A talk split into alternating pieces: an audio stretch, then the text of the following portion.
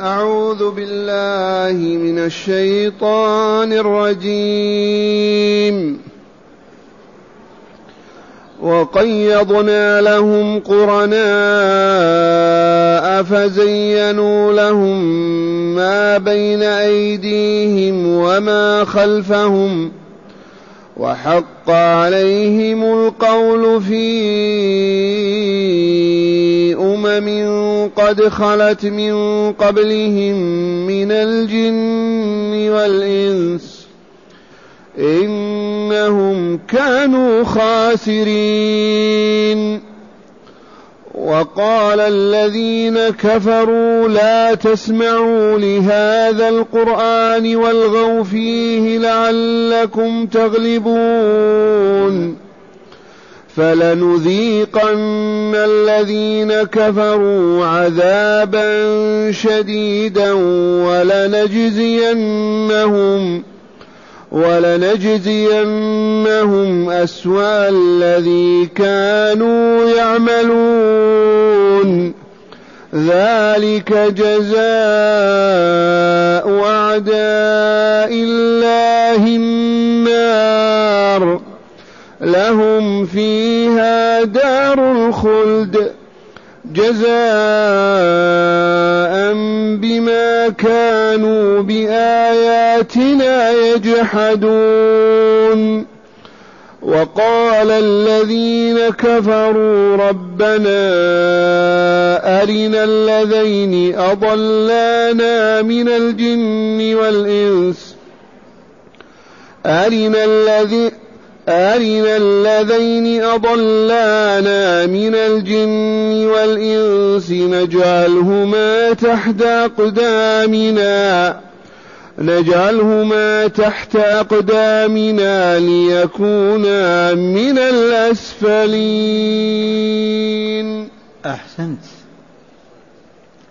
معاشر المستمعين والمستمعات من المؤمنين والمؤمنات. ما زال السياق الكريم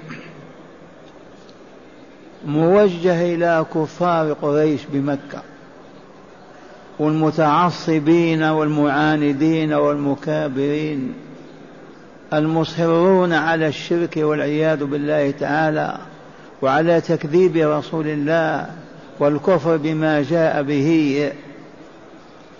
فقال تعالى وقيضنا لهم قرناء. فزينوا لهم ما بين أيديهم وما خلفهم. قيض لهم جعل لهم قرناء من شياطين الإنس والجن. وهذه الحقيقة كل من يقبل على الشرك والكفر والفسق والفجور والخروج عن طاعة الله ورسوله ويتوغل في ذلك إلا وتتسلط عليه الشياطين من الإنس والجن فيغلقون الطريق في وجهه. لم يبقى يتلذذ إلا بالفجور والفسق والكفر والشر والفساد. فلهذا يحذر العقلاء من أن يتورطوا هذه الورطة. نعم قد يذنب أحدنا ذنبا قد يعصي معصية قد يرتكب كبيرة ولكن فليسارع إلى التوبة وليتب وليبتعد عن جماعات الباطل ورجالات الشر والفساد. لا يجالسهم لا يجتمع معهم لا يتكلم معهم وهكذا حتى يبتعد عن هذا البلاء العجيب. وقيضنا لهم قرناء فزينوا لهم ما بين أيديهم وما خلفهم من القبح والشر والشرك والفساد. ما علة هذا التزيين؟ إصرارهم على الكفر والشرك والظلم والفساد هو الذي سبب لهم هذا وجعل الله لهم قرناء من شياطين الإنس والجن. فحرموهم من الهداية. لن يهتدوا. لن يعودوا إلى الحق. أبدا. وهذا شأن العبد إذا استمر في المعصية وتوغل فيها ما يتوب أبدا. يصعب عليه أن يتوب. بل يستمر على فجوره وعلى باطله حتى يموت العياذ بالله تعالى. ومن هنا كانت التوبة تجب على الفور. ما تنتظر العام المقبل أو الساعة الفلانية أو حتى تتزوج أو حتى تتوظف أو حتى يحصل كذا. انزح هذا من ذهنك. زلت القدم قل تبت إلى الله وأستغفر الله وأتوب إليه. فإن الاستمرار على المعصية يصبح صاحبه بعد فترة أعمى لا يرى إلا تلك المعاصي لا يتلذذ إلا بالباطل والشر والفساد. والشياطين تزين له ذلك وتحسنه له. واسمعوا الآية. وقيضنا من القائل هذا الله عز وجل. وقيضنا لهم لأولئك الطغاة الجبابرة المتكبرين المعاندين في مكة. قيضنا لهم قرناء يقارنونهم ولا يفارقونهم من الجن والإنس. زينوا لهم ما بين أيديهم أمامهم من الدنيا وما خلفهم من الآخرة. الدنيا يحسن لهم الشرك والباطل والفساد والآخر يحسن لهم أن هذه خرافة وهذا باطل وهذه ضلالة وهذه كذا وكذا في الآخرة وفي الحياة الثانية وهكذا.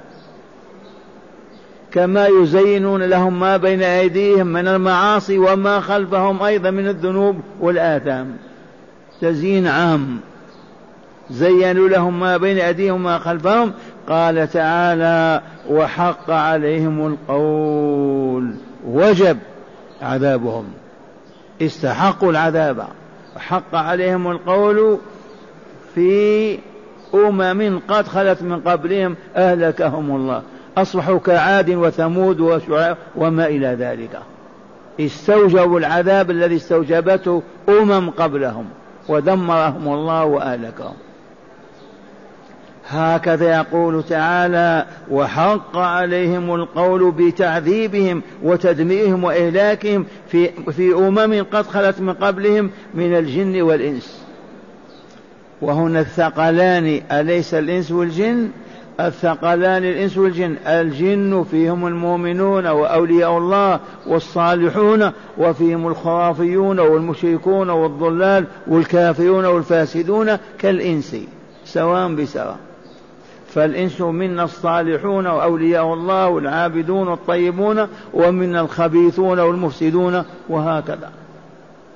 إذ ما, ما خلقت الجن والإنس إلا ليعبدوني خلقهم لعبادته أعرضوا عنها يعذبهم عبدوه يكرمهم ويسعدهم.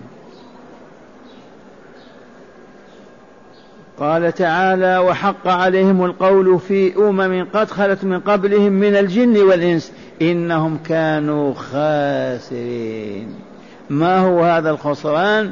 ما إن يموتوا حتى يلقوا في عالم الشقاء في جهنم في النار. ما هي كلمة نار هذه؟ عالم. عالم هذا كقطرة ماء من بحر يخلدون فيه أبدا. أي خسران أعظم من هذا؟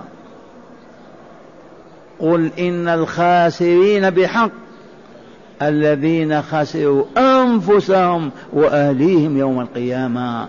ألا ذلك هو الخسران المبين. ما هو فقدك الشاء أو البعير أو موت الزوجة أو الولد. يجد نفسه في عالم لا أم ولا أب ولا أخ ولا صديق. يعيش وحده.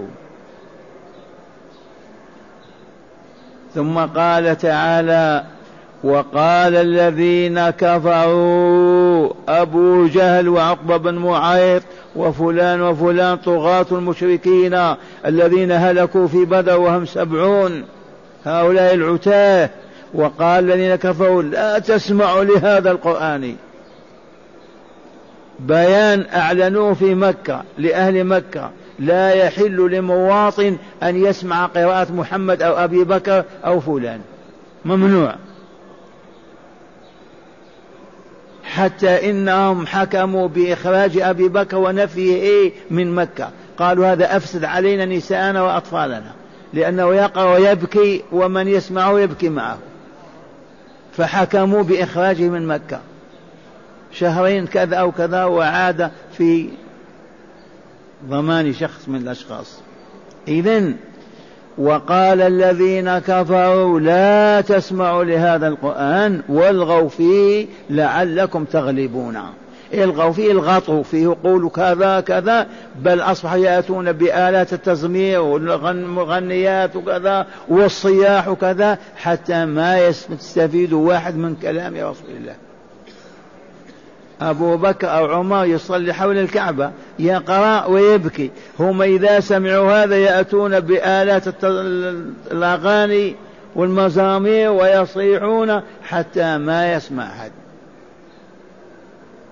وقال الذين كفروا لا تسمعوا لهذا القرآن لأنه نور الله ما إن يتصرف إلى القلب إلا ويحيا القلب ويؤمن العبد ويصبح عبد الله.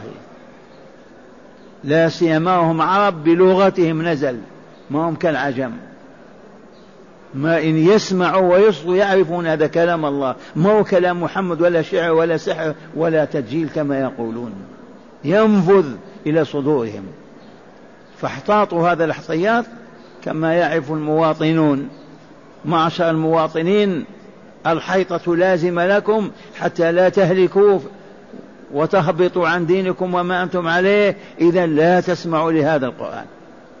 وإن استطعتم أن تلغطوا وتصيحوا صيحوا حتى ما يتسرب نوره إلى الناس. والله بالفعل هذا فعلوه. واسمع كلام الله. وقال الذين كفروا بالله ورسوله بالله ولقائه بالله وكتابه بالله وشرعه ودينه هؤلاء الجاحدون المكذبون الكافرون الغلاة قالوا لا تسمعوا لهذا القرآن والغوا فيه لعلكم تغلبون. والله ما غلبوا وقد غلبوا. غلبوا وإلا لا؟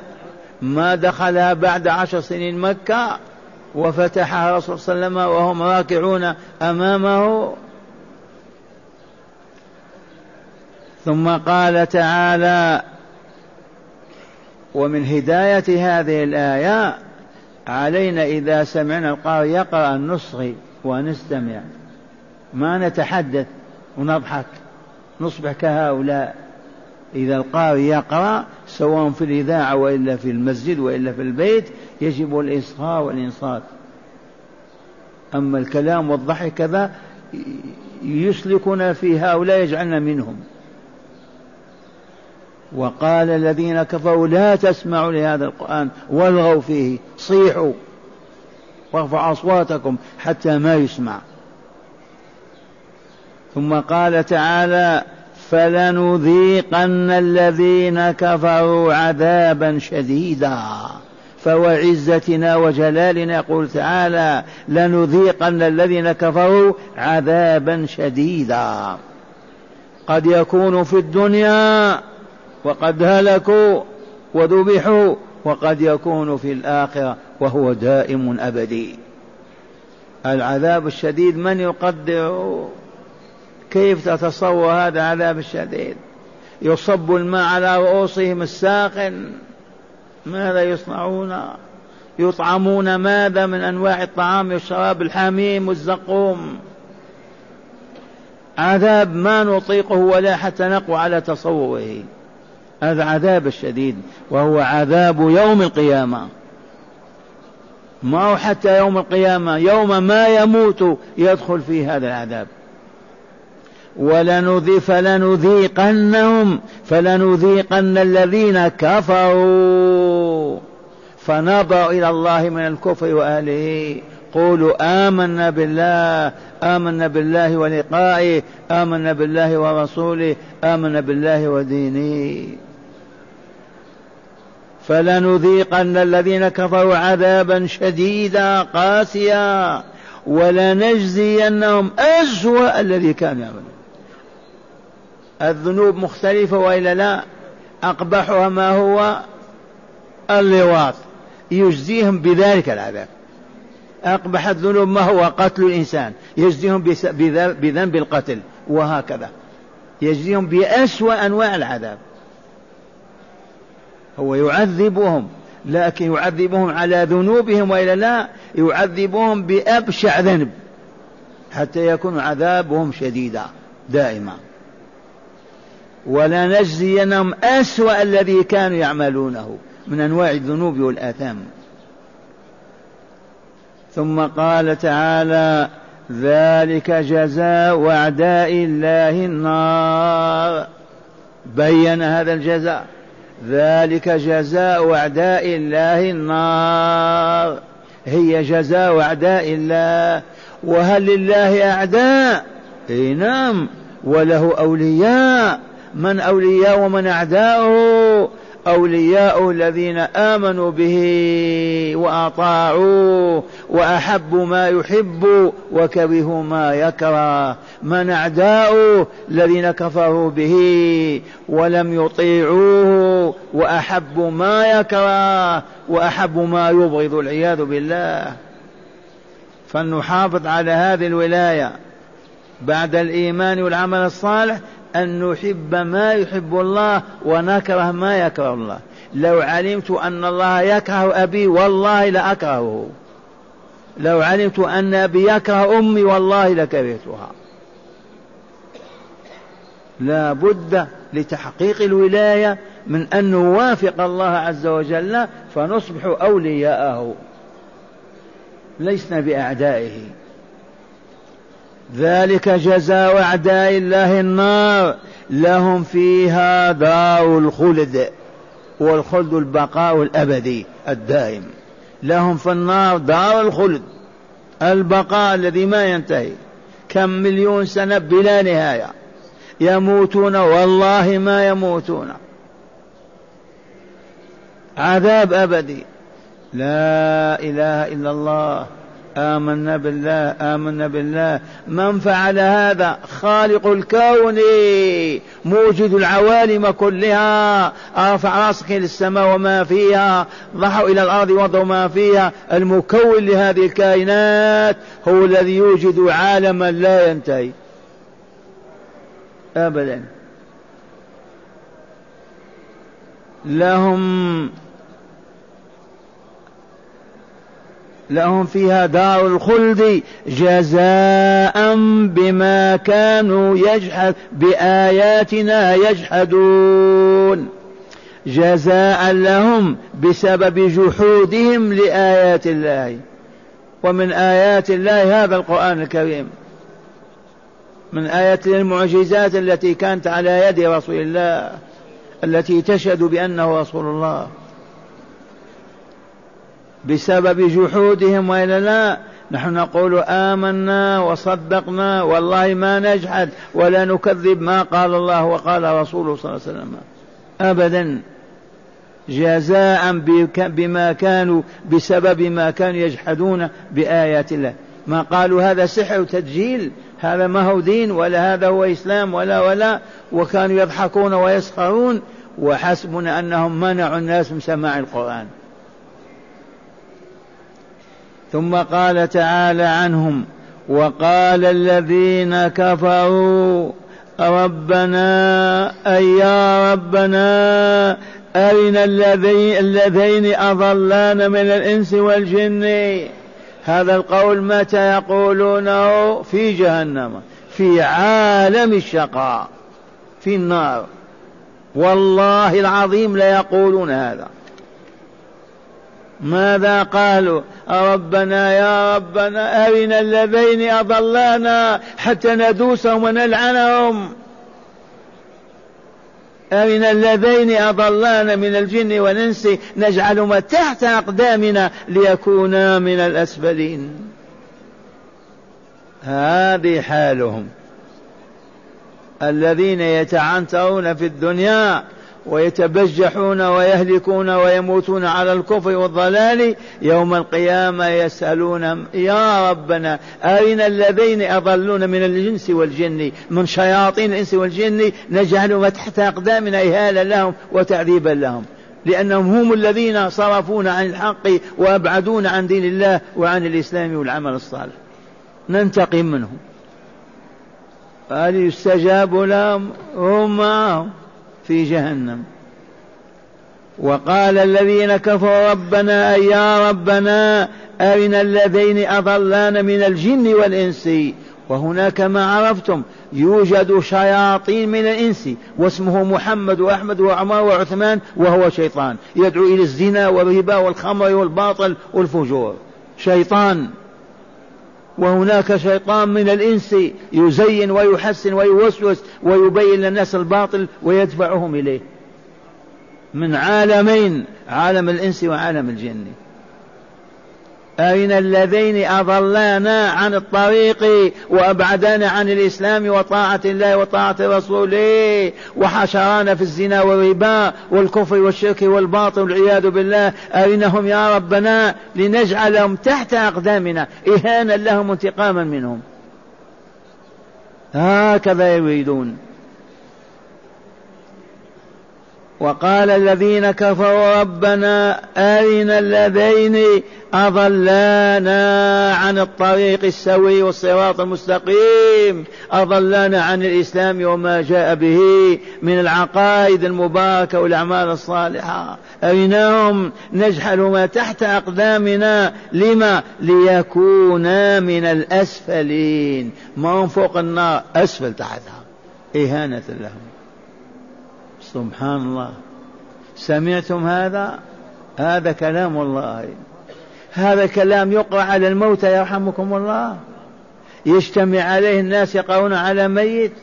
ينتفع به يقوم يبكي. من صرفنا عنه؟ الثالوث الأسود المجوس واليهود والنصارى. منذ أكثر من ألف سنة. صرفوا عن القرآن يقرون على الموت فقط. قالوا تفسير القرآن صواب خطأ وخطأ كفر إذا سمعت من قال الله قال الله أغلق أذنيك. ما تسمع له. والله كما تسمعون. حتى هبطنا إلى الأرض واستولى علينا الشرق والغرب ودمرونا وفسقونا وفجرونا ولما خرجوا من ديارنا تركونا ذيولا وأذنابا. لا قيمة لنا. هذا كلام الله يحجب عن المؤمنين ويصرف عنه المؤمنون. نسمع الآيات مجود هداية الآيات. بسم الله والحمد لله والصلاة والسلام على خير خلق الله سيدنا ونبينا محمد وعلى آله وصحبه. من هداية هذه الآيات أولا بيان سنة الله تعالى في العبد إذا أعرض عن الحق الذي هو الإسلام فخبث من جراء كسبه الشر والباطل الشر والباطل وتوغله في الظلم والفساد. يبعث الله تعالى عليه شيطانا يكون له قليلا له فيزين له كل قبيح ويقبح له كل حسن. لكم الذي ينغمس في المعاصي في الذنوب والآثام في الكفر والشرك هذا إذا استمر فترة من الزمن يصبح لا يرى الحق ولا يحب ولا ينظر إليه. ويسلط عليه شياطين الإنس والجن. شياطين الإنس الذين يزنون ويفجرون معه ويسرقون ويكذبون. يظل معهم ويبيت معهم. شياطين الجن هم الذين يحسنون له كل قبيح ويزين له كل باطل. أمر الله هذا سنة الله. فلنحذر مواصلة الإثم والاستمرار فيه. نقطعه. ما نستمر على المعصية أبدا. زلت القدم وقعنا في معصية. يا ربنا غفرانك وإليك المصير. نستغفر الله نتوب إليه نستغفر الله ونبعد من هذه الساحة ونترك هذا العمل. أما الاستمرار على المعصية هو الذي يسبب هذا السبب. تجد شياطين من الإنس يشجعونك على هذا الباطل ويضحكون معك. وشياطين الجن يزينون لك ويحسنون لك. حتى ما تخرج. هاتي. ثانيا بيان ما كان المشركون يكيدون به الإسلام ويحاربونه به حتى باللغو عند قراءة القرآن حتى لا يسمع ولا يهتدى به. من هداية الآيات بيان ما يكيد المشركون والظالمون وأهل الفساد والشر يكيدون للمؤمنين ليصرفوهم عن القرآن. ما قلت لكم صرفوهم عن القرآن ألف سنة.